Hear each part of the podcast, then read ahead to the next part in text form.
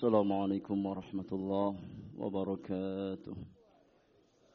إن الحمد لله نحمده ونستعينه ونستغفره ونعوذ بالله من شرور أنفسنا وسيئات أعمالنا.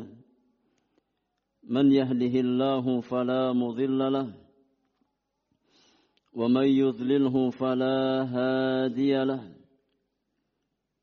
أشهد أن لا إله إلا الله وحده لا شريك له وأشهد أن محمدا عبده ورسوله لا نبي بعده. يا أيها الذين آمنوا اتقوا الله حق تقاته ولا تموتن إلا وأنتم مسلمون. يا أيها الناس اتقوا ربكم الذي خلقكم من نفس واحدة. وخلق منها زوجها وبث منهما رجالا كثيرا ونساء. واتقوا الله الذي تساءلون به والأرحام. إن الله كان عليكم رقيبا. يا أيها الذين آمنوا اتقوا الله وقولوا قولا سديدا. يصلح لكم أعمالكم ويغفر لكم ذنوبكم. ومن يطع الله ورسوله فقد فاز فوزا عظيما. فإن أصدق الحديث كتاب الله وخير الهدي هدي محمد صلى الله عليه وسلم وشر الأمور محدثاتها وكل محدثة بدعة وكل بدعة ضلالة وكل ضلالة في النار. أما بعد أيها المسلمون معاشر المسلمين جماعة سيدان جمعة رحمكم الله أجمعين Pada kesempatan yang mulia ini izinkan khatib mengajak kita semua untuk bertakwa kepada Allah Subhanahu wa taala. Karena takwa Allah Azza wa Jal adalah jalan keselamatan, jalan kebahagiaan, jalan ketenangan dunia dan akhirat. Tatkala seorang hamba berusaha bertakwa kepada Allah Subhanahu wa taala, maka Allah Subhanahu wa taala akan tuntun dia di atas jalan-jalan kebaikan.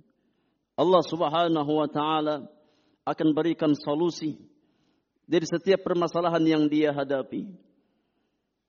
Allah Subhanahu wa taala berfirman, "Wa man yattaqillaha yaj'al lahu makhraja wa yarzuqhu min haitsu la yahtasib."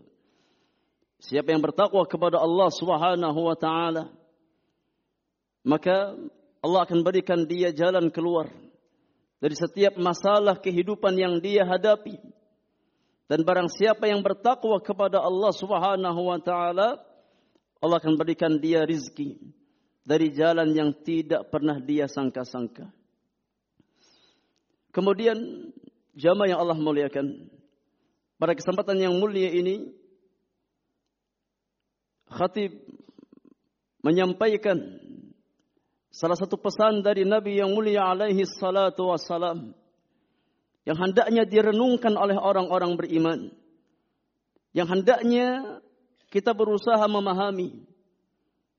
Dan berusaha untuk mengamalkan mengaplikasikan dalam kehidupan kita sehari-hari.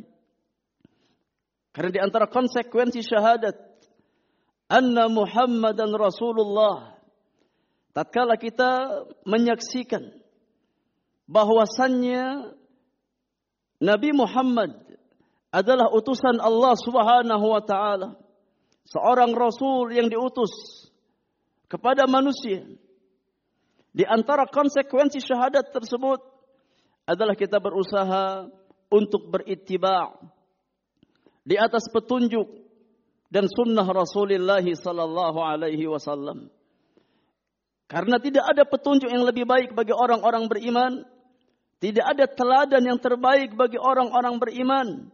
Melainkan keteladanan yang ada pada diri Rasulullah sallallahu alaihi wasallam. berittiba' di atas sunnah Rasulullah sallallahu alaihi wasallam adalah bukti nyata cinta seorang hamba kepada Rabbul Alamin. Bukti nyata cinta seorang hamba kepada Allah Subhanahu wa taala. Sebagaimana berittiba' di atas sunnah Nabi yang mulia adalah bukti nyata cinta seorang hamba kepada nabinya alaihi salatu wassalam.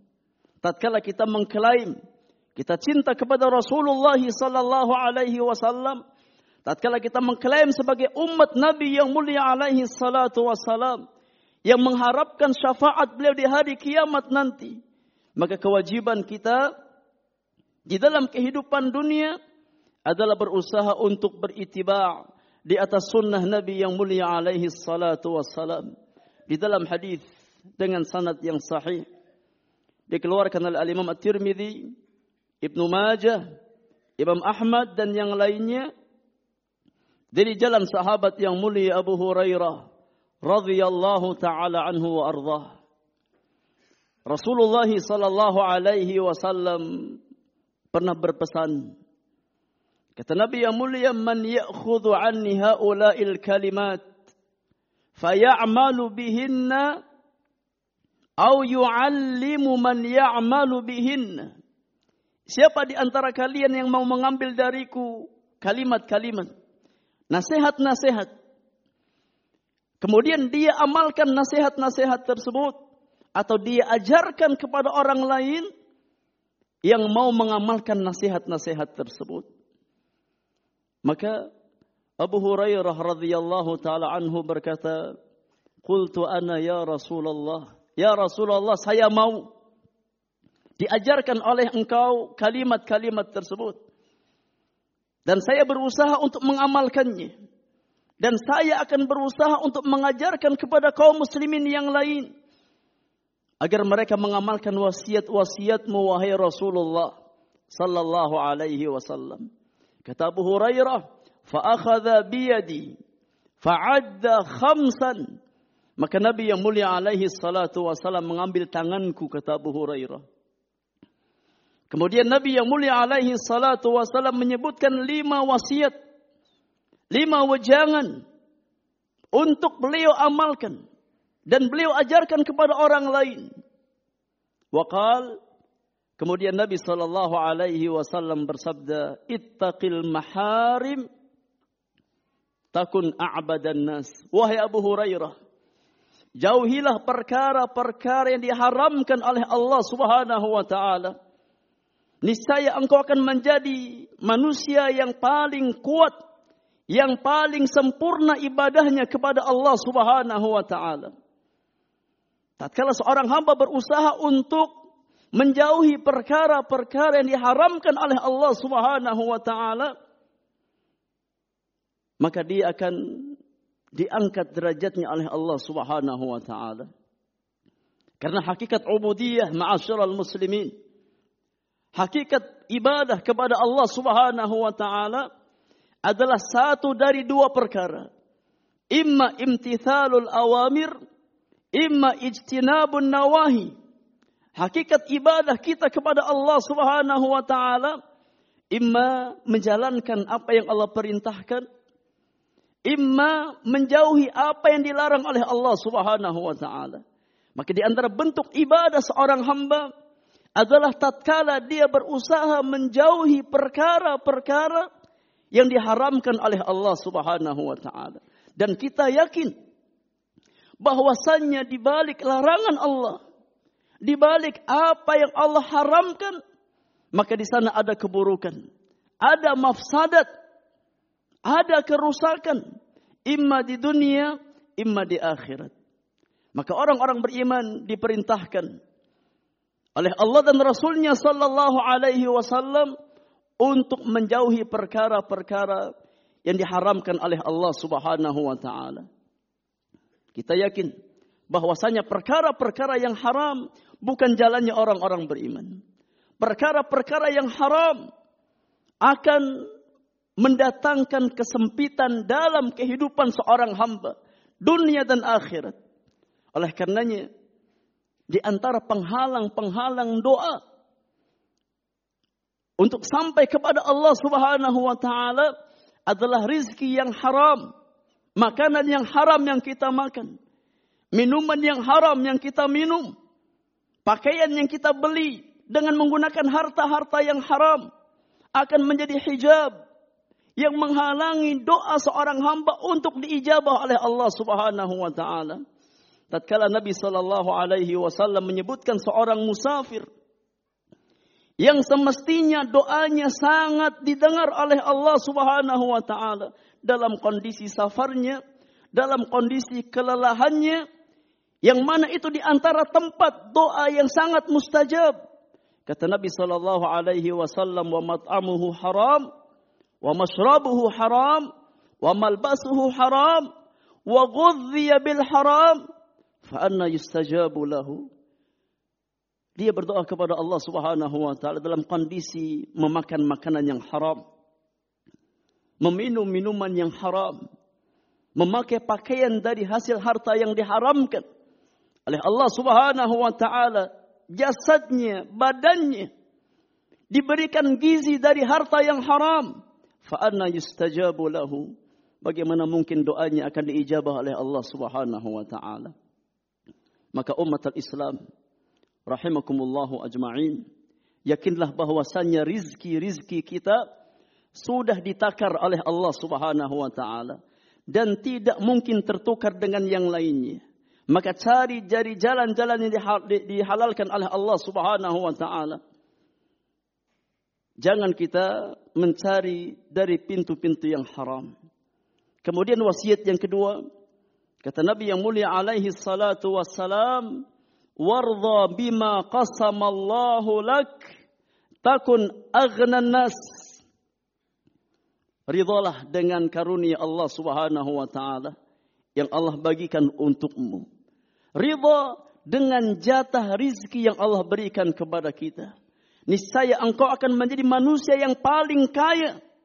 Itulah sifat qanaah. Ridha dengan karunia Allah Subhanahu wa taala. Ridha dengan pemberian Allah subhanahu wa ta'ala. Apa yang Allah berikan kepada kita, itulah yang terbaik untuk kita. Tatkala seorang hamba memiliki jiwa qana'ah, maka Allah subhanahu wa ta'ala akan masukkan ke dalam hatinya sakinah, ketenangan di dalam kehidupan. Namun tatkala seorang hamba jauh dari sifat qana'ah, yang ada adalah jiwa yang tamak dalam kehidupan dunia, maka tidak mungkin Allah Subhanahu wa taala memberikan sakinah ke dalam hatinya menghadirkan ketenangan dalam kehidupannya Jemaah yang Allah muliakan harus kita fahami bersama bahwasannya parameter kemuliaan seorang hamba di hadapan Allah bukan dengan harta benda yang dia miliki bukan dengan harta-harta yang kita kumpulkan tapi parameter kemuliaan seorang hamba di hadapan Rabbul Alamin adalah iman dan takwanya kepada Allah Subhanahu wa taala. Kalau seandainya perkara-perkara dunia menjadi parameter kemuliaan seorang hamba, tentulah Firaun dan bala tentaranya adalah orang-orang yang mulia di hadapan Allah Subhanahu wa taala. Namun nyatanya tidak. Kalau seandainya perkara-perkara dunia menjadi parameter kemuliaan seorang hamba di hadapan Rabbul Alamin, maka alangkah naasnya. Nabi kita yang mulia alaihi salatu wassalam yang hanya tidur beralaskan pelepah kurma sampai membekas di pipi beliau. Sampai-sampai para sahabat merasa iba dengan kondisi Nabi yang mulia. Ya Rasulullah, kami melihat raja-raja Romawi. Kami melihat raja-raja Persia. Mereka tinggal dengan kemewahan mereka. Ya Rasulullah, izinkan kami para sahabat. Menghadirkan untukmu kasur, Ya Rasulullah agar engkau bisa tidur dengan nyaman. Maka Nabi yang mulia alaihi salatu wassalam mengajarkan hakikat kehidupan dunia yang sungguhnya bagi orang-orang beriman. Kata Nabi yang mulia alaihi salatu wassalam, Mali walid dunia. Innama mathali wa mathalu dunia ka mathali rakibin. Istadhalla tahta dhilli syajaratin. Thumma raha wa tarakaha. Apa urusanku dengan dunia? Sesungguhnya perumpamaan aku dengan dunia, kata Nabi yang mulia, bagikan seorang musafir yang dia melakukan perjalanan yang panjang tatkala merasakan lelah, maka dia berhenti sejenak di sebuah naungan pohon untuk melepas letihnya, melepas penatnya. Setelah dia lepas lelahnya, maka dia kembali tinggalkan pohon tersebut untuk melanjutkan perjalanannya. Dan kita semua musafir, kita semua berjalan menuju Allah Subhanahu wa taala. Kita semua kelak akan meninggalkan dunia yang fana ini. Kemudian wasiat yang ketiga yang Nabi sallallahu alaihi wasallam wasiatkan kepada Abu Hurairah kata Nabi yang mulia alaihi salatu wassalam wa ahsin ila jarika takun mu'minan. Wahai Abu Hurairah berbuat baiklah engkau kepada tetanggamu. Niscaya engkau akan menjadi seorang mukmin yang sejati. Di antara tanda kebaikan iman seorang hamba adalah tatkala dia mampu berbuat baik kepada tetangganya. Di antara tolak ukur kebaikan iman seorang mukmin adalah bagaimana muamalahnya kepada tetangganya. Oleh karenanya Nabi kita yang mulia alaihi salatu wasalam sampai bersumpah tiga kali. Kata Nabi yang mulia, Wallahi la yu'min. Wallahi la yu'min. Wallahi la yu'min. Demi Allah tidak beriman, kata Nabi. Demi Allah tidak beriman. Demi Allah tidak beriman. Man ya Rasulullah? Siapa ya Rasulullah? Qala man la ya'manu jaruhu bawa'iqahu. Seseorang yang tetangganya tidak merasa aman dari gangguannya. Gangguan lisannya, gangguan tangannya. Maka jemaah yang Allah muliakan, muamalatul jar. Bersikap baik kepada tetangga bermuamalah dengan baik kepada tetangga-tetangga kita di antara tanda kebaikan iman. Tatkala kita ingin tahu kualitas iman kita, lihat bagaimana kualitas muamalah kita bersama tetangga kita. Karena itu di antara bagian dari tolak ukur kebaikan iman seorang hamba kepada Allah Subhanahu wa taala. Aqulu ma tasma'un wa astaghfirullah li wa lakum wa li sairil muslimin wal muslimat min kulli dhanbin wa khati'atin. فاستغفروه إنه هو الغفور الرحيم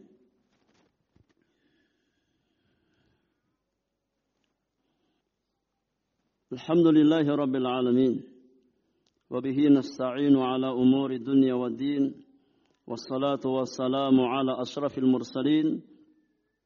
المبعوث رحمة للعالمين وحجة على الخلائق أجمعين. نبينا محمد وآله وصحبه أجمعين أما بعد. وصية ينك keempat جماعة yang Allah muliakan.